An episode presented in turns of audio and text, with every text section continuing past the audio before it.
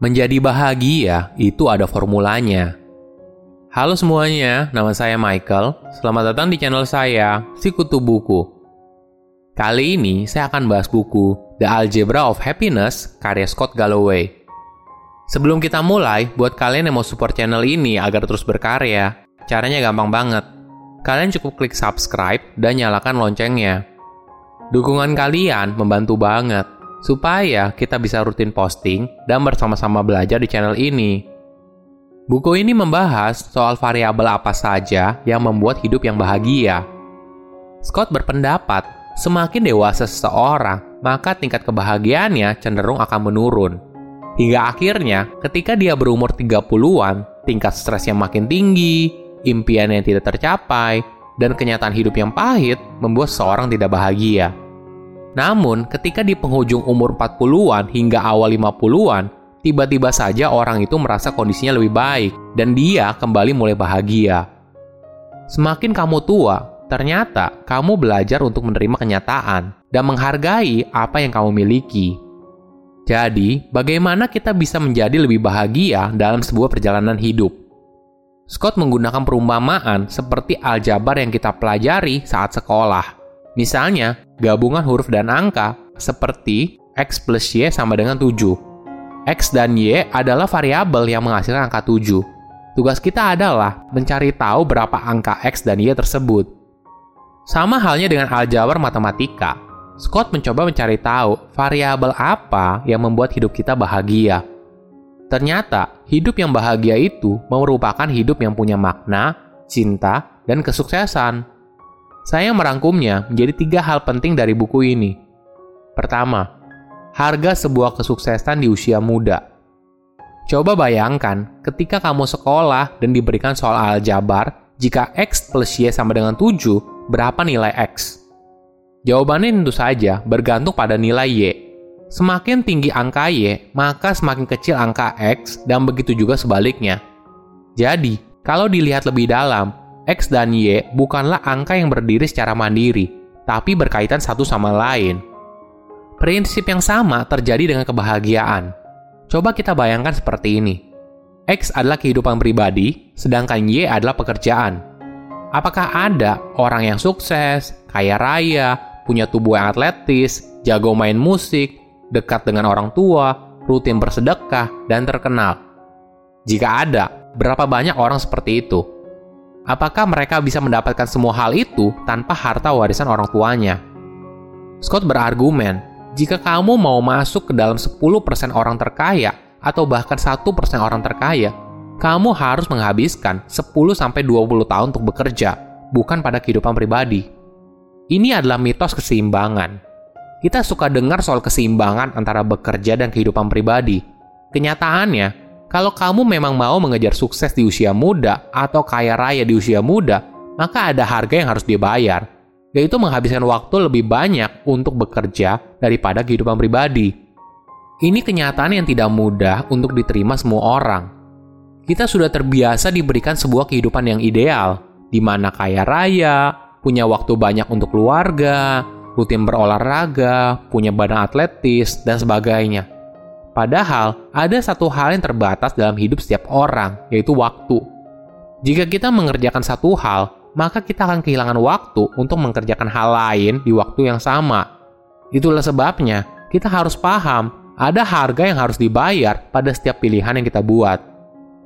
Kedua, pasangan adalah keputusan hidup yang sangat penting. Memilih pasangan yang tepat adalah keputusan hidup yang sangat penting dan merupakan indikator yang menentukan kebahagiaan dalam hidup seseorang.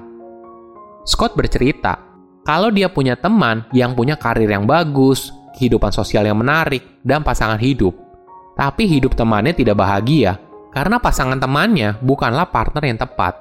Mereka memiliki pandangan yang berbeda soal hidup. Tapi sebaliknya, Scott punya teman yang sebenarnya tidak kaya raya secara ekonomi, punya sedikit teman, tapi punya pasangan yang tepat teman Scott dan pasangannya mampu berbagi tantangan dan kesuksesan dalam hidup yang mereka jalani. Menariknya, mereka ternyata lebih bahagia. Inilah yang membuat Scott menekankan kalau memilih pasangan adalah salah satu kriteria penting untuk hidup bahagia. Tapi, yang kadang tidak dipahami adalah memilih pasangan merupakan keputusan seumur hidup sekali. Tentunya, kita mengharapkan hubungan pernikahan yang bisa bertahan seumur hidup. Coba bayangkan seperti ini.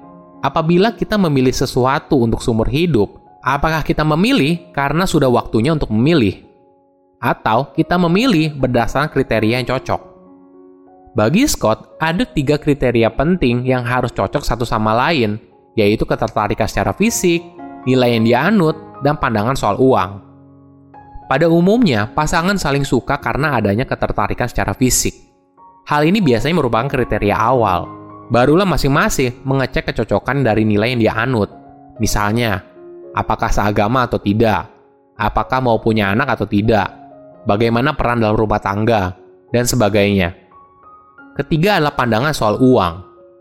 Apa ekspektasi masing-masing pihak soal uang? Berapa banyak pendapatan minimum yang harus kalian miliki? Berapa besar kontribusi keuangan masing-masing pihak dalam rumah tangga? Ketiga hal ini, apabila cocok satu sama lain, maka akan membuat hubungan kamu dan pasangan menjadi lebih bahagia. Bagaimana bila ternyata ada yang tidak cocok? Tentu saja, semua hal itu harus dikomunikasi dengan baik sehingga masing-masing pihak punya ekspektasi yang sama. Ketiga, uang dan kebahagiaan. Apakah uang bisa membeli kebahagiaan? Ternyata ada korelasi kalau uang bisa membeli kebahagiaan. Tapi ketika kamu sudah sampai ke titik tertentu, korelasi antara uang dan kebahagiaan tidak memiliki pengaruh yang banyak. Titik yang saya maksud adalah titik di mana kamu sudah mencapai keuangan yang stabil dan cukup, Ketika kamu sampai ke titik ini, punya uang lebih banyak tidak membuat kamu bahagia. Melainkan, dengan uang yang kamu punya, kamu bisa membeli pengalaman. Sebagai contohnya, yaitu traveling. Ini adalah cara kamu melihat dunia dengan perspektif yang berbeda. Dengan traveling, kamu jadi belajar soal budaya baru, lingkungan baru, suasana baru, dan sebagainya. Selain itu, bagi kebanyakan orang, mereka membeli pengalaman karena itu merupakan hal yang tidak terlupakan bagi mereka. Kenangan ini merupakan sebuah memori bahagia yang tersimpan dan sewaktu-waktu bisa dibuka kembali untuk dikenang. Mungkin ada perdebatan, mana yang lebih baik, menggunakan uang untuk membeli barang material atau pengalaman. Tentu saja ini kembali ke pribadi masing-masing. Tapi, kebahagiaan yang berasal dari pembelian barang material seperti misalnya rumah atau mobil cenderung singkat. Ketika kita memiliki barang tersebut, biasanya kebahagiaan kita atas barang tersebut akan menurun seiring waktu. Namun, ketika kita membeli pengalaman, kebahagiaan cenderung bertahan lebih lama. Mulai dari sebelum mengalaminya, merasakan pengalaman yang dibeli, dan kemudian mengenang kembali pengalaman yang sudah dialami. Pengalaman juga kadang membantu kita untuk berbicara dengan orang lain. Pengalaman ini menjadi sebuah ikatan dengan orang lain, bahkan dengan orang yang belum pernah kita kenal sebelumnya. Menjadi bahagia itu ada formulanya, yaitu dengan melakukan apa yang kamu suka dan menghabiskan waktu dengan orang yang dicintai. Tapi, untuk mencapai itu, kamu perlu memiliki kestabilan secara ekonomi.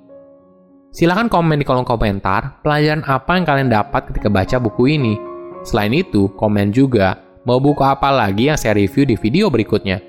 Saya undur diri, jangan lupa subscribe channel YouTube Sikutu Buku. Bye bye.